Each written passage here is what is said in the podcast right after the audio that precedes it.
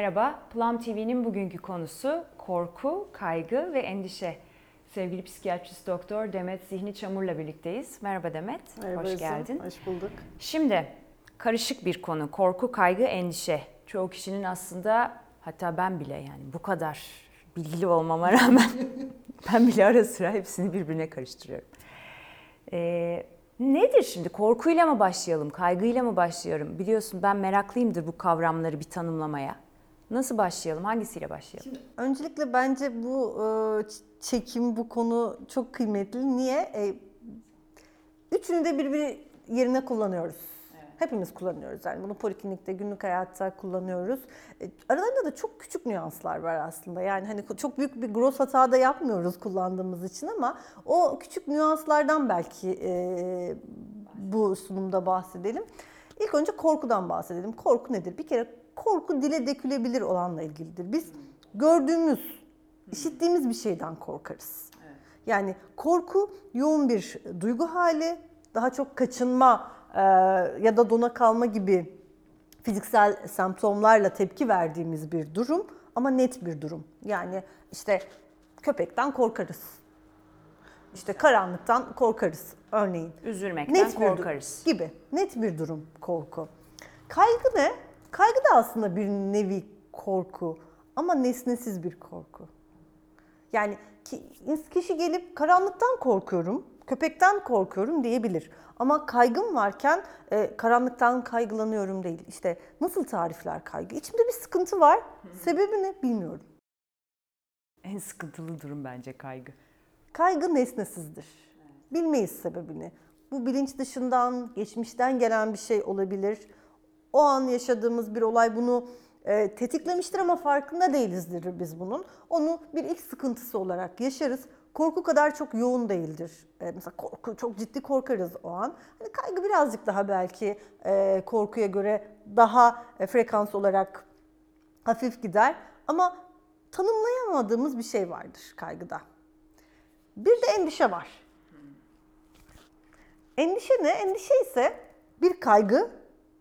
Daha çok gelecekle ilgili ama yani var olacak olayın, gelişecek her şeyin ya en kötü şekilde gerçekleşeceğini ya da beklediğimiz gibi gerçekleşmeyeceğini düşünürüz. Geleceğe dair bir atıf var endişede. Ben mesela bunu bir spektrum olarak e, koyarsak nereye koyarım? Kaygı ile korku arasında bir spektruma koyarım endişeyi. Hani endişenin de bir nesnesi var. Gelecekte olacak bir şey, hani e, kötü olacak ama gelecekte olacak bir bilmiyorum. nesne var. Kaygıda ne olacağını bilmiyorum, sebebini de bilmiyorum. Korku ise şu an yaşıyorum, evet, e, sebebi de bu. Endişenin de her zaman nesnesi olmayabilir ama. Değil mi? Genelde e, gelecekte olacak bir olaydır endişe. Ha, yani e, Covid, mesela Covid üzerinden ben bunları anlatmak isterim. Niye? Çünkü anksiyete bozukluklarını biliyoruz ki Covid e, döneminde çok ciddi oranda artma oldu. Şimdi e, çok samimi temasta bulunduğum bir arkadaşım Covid olmuş. Acaba ben de şu an Covid olacak mıyım diye işte çarpıntı yaşadım şu an. İşte Endişe. şey yaptım. Aslında bir korku yaşıyorum o an. Şu Doğru. an çok aktif. Niye? Ben şu an Covid olmaktan korkuyorum. Evet. Etrafımızda Covid var. Ya acaba ben de Covid kapacak mıyım diye endişe duyuyorum.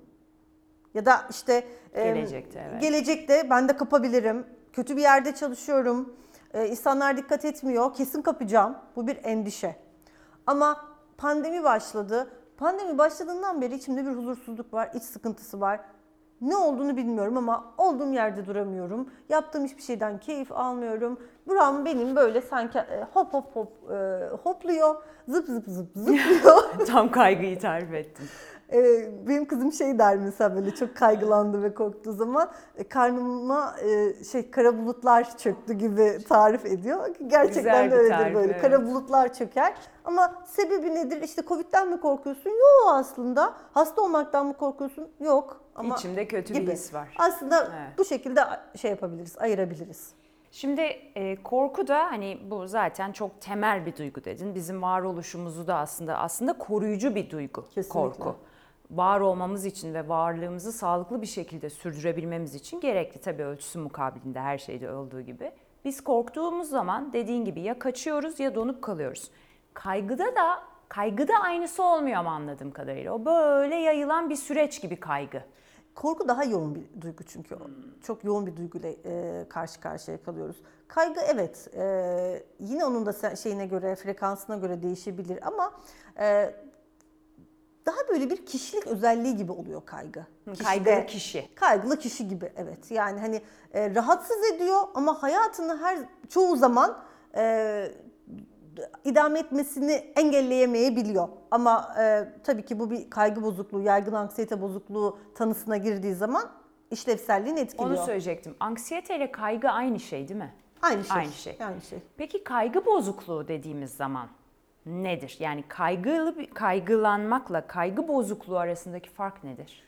Şimdi e, kişinin e, bu kaygı haline, yaşadığı o kaygı haline mesela uykusuzluk, huzursuzluk, e, Keyifsizlik. kas problemleri gibi şikayetlere de eşlik edip kişinin işlevselliğini de artık bu bozuyorsa biz o zaman kaygı bozukluğu diyoruz. Yani evet kaygı hepimiz yaşıyoruz. Şu an günümüzde kaygı yaşamayan hiç kimse yok. Ama işte kaygılanıyorum ama hayatıma devam ediyorum. Ama bu artık işlevselliğini bozar duruma gelirse ve buna az önce saydığım gibi bu semptomlar etkilen, e, eklenirse o zaman işte biz yaygın anksiyete bozukluğu e, tanısı koyuyoruz. O zaman tedavi e, etmek gerekiyor.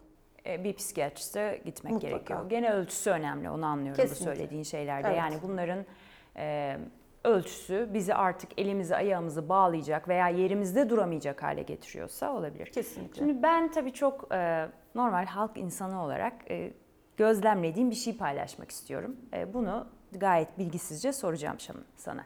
Şimdi benim dikkatimi çeken bir şey var. Bazı çok hareket eden insanların da ben kaygısının yüksek olduğunu düşünüyorum. Mesela çok geziyor, çok tozuyor, sürekli insanlarla birlikte hiç yalnız kalmıyor. Ve bakıyorum ya bu kişi acaba çok kaygılı bir kişi mi ki? Bu bir varoluşsal bir kaygı da olabilir o zaman. Ha, evet çok güzel. Böyle bir şey olabilir değil mi? Yani Olabilir. kaygısı çok yüksek kişinin aslında çok hareket etmesi, çok yerinde durmaması, sürekli insanlarla olması, sürekli bir arayış içinde olması. Olur, olur kesinlikle. Çok beklediğimiz bir durum. Bu biraz ım, şimdi ahkam keseceğim. Yani kendine kaçmakla aynı şey mi bu? Bu kadar hareket etmek. Özüm burada şey işte önemli. Bu yaşadığın bir varoluşsal bir e, kaygı mı? Ya da bilinç dışından e, seni e, dürten o itki ne? Bu e, senin ona dönmeni engelleyecek kadar korkutan bir şey mi? O yüzden mi kaçıyorsun? Anladım. Yani biz çünkü ım, toplumda yaşarken genelde mesela işte kişinin suratına bakıp hani endişeli gözüküyor deriz. Fakat ben son zamanlarda özellikle bunu başka bir söyleşide de değindim zaten. Bu sürekli iyi olma baskısı var ya üzerimizde pozitif ol, o toksik pozitivizm artık yani hiçbir şeyimiz yokmuş gibi. O, üzülmek yasak, korkmak yasak, hüzünlenmek yasak. Yani insanlar artık birçok ilişkiyi kuramamaya başladılar zaten aman bir yerime bir şey olacak diye. Biraz bu aslında endişe seviyesinin her anlamda arttığını düşünüyorum ben kişilerde ve bu hani pozitif olmanın da sanki o kaygılanmanın bir maskesi gibi. Bu şey gibi Ahkam düşünüyorum kesiyorum ben. tabii çok güzel rahat rahat konuşuyorum ben burada ama yani Yok, çok çok doğru söylüyorsun. Şimdi belirsizliğe tahammülümüz yok. Dolayısıyla aslında duygularla ilgili de belirsizliğe tahammülümüz yok. Yani işte üzüldük, e, buna da tahammülümüz yok. niye böyle olduk ya biz yani niye Tahammülümüz böyle yok. Belki de zamanımız yok çok fazla. Ama şimdi bütün duygular bizim için aslında. Yani Kesinlikle. Korku nasıl yol gösteriyorsa üzüntü de yol Kesinlikle. gösterir, hüzün de yol Kesinlikle. gösterir. İşte kimisi bunu altı kategoriye ayırıyor. Sen benden çok daha iyi biliyorsun. Kimisi o yelpazeyi daha da açıyor. Mesela şimdi çocukları yetişirken diyorlar ki yetiştirirken ne kadar çok duygunun adını koyabilirse, hani artikülasyonu ne kadar gelişmişse aslında o kadar daha sağlıklı olur. Duygularıyla ilişkisi iyi olur ve hayatı yaşayışı da olumlu olur diyorlar. Ama biz yetişkinlere baktığımızda Hani hepimiz çok iyiyiz, çok mutluyuz, her şey süper. Böyle olmalıymışız gibi. Olmalıymışız gibi. Ee, bu sefer öfkelenildiğinde, üzülünüldüğünde bu da sanki ah hani nasıl olur böyle Nasıl bir şey olur gibi. gibi. Orada da bir toleranssızlık ve bir kaçma. Kaçma hali Ve var korkma. kesinlikle. Yani e, bu duyguların hepsi gerekli. Eğer bir kişi gelirse ve ben hayatımda hiç öfkelenmedim derse, hiç üzülmedim derse Lütfen söyleyin hocam ne diyoruz onlara? Yani bunun çok sağlıklı bir durum olmadığını söyleyebiliriz en azından. Peki bir kişi gelip Dolay- sürekli pardon kusura bakma lafını kestim. Dolayısıyla Ya dolayısıyla bu duyguların hepsi bizim. Bunların hepsine sahip çıkmamız lazım. Bunları e, yaşamamız lazım. E, Üzülmek de bazen çok kıymetlidir. Ben bazen şunu örnek veriyorum. E, e, mesela yine kızımdan gidiyorum. Mesela bazen üzülüyor, ağlıyor. İşte ben ama üzülmek istemiyorum diyor. Diyorum ki e, mesela düşün ki e, çok sevdiğin birisi gitti. Onu özlemez misin? Özlerim. Üzülmez misin? Üzülürüm. Bak ama bu onu sevdiğin anlamına gelmez mi? Yani o kadar önemli biri ki sevdiğimiz Tabii. için belki üzülüyoruz. Kıymet verdiğimiz için üzülüyoruz. ne kadar şanslıyız ya bir da de. kendimize kıymet aslında. verdiğimiz için hak etmediğimizi düşünüyoruz. Bu yüzden üzülüyoruz gibi. Yani dolayısıyla her duygu gerekli. Ee, sadece o pozitif olan, e, pozitif olarak anlamlandırdıklarımız mutluluk, işte neşe, huzur değil ama korku, üzüntü, zaman zaman ağlamak bunlar da keyifli şeyler. Bunların hepsini yaşamamız lazım ya da keza öfkelenmek gibi. Bizim için önemli olan her zaman söylediğimiz gibi bunun dozu. Heh. Mesela birisi geldi ve çok mutlu, sürekli mutlu. Ne- Ona ne diyoruz mesela psikiyatride? Hani böyle up, manik. İşte bu o, o mutluluk hali manik mi? Hipertimik mi? bir şeyleri çok güçlü bir şekilde bastırıyor mu? Nedir? Bu gerçek bir mutluluk hali mi? Evet, eforik veya hani artık neden. Ee, Haluk Özbay hep şey der, duygularımıza sahip çıkmalıyız. Ve onların ne anlama geldiğini bir rehbere sormalıyız diye de ekler. Psikolojiyle uygulanan, e, uğraşan kişiler bu yüzden çok kıymetli. Çok teşekkür ediyorum paylaştığın kıymetli bilgiler için. Eklemek istediğin bir şey var mı? Galiba yok. Duygularımıza sahip çıkabileceğimiz günler dileğiyle. Hoşçakalın.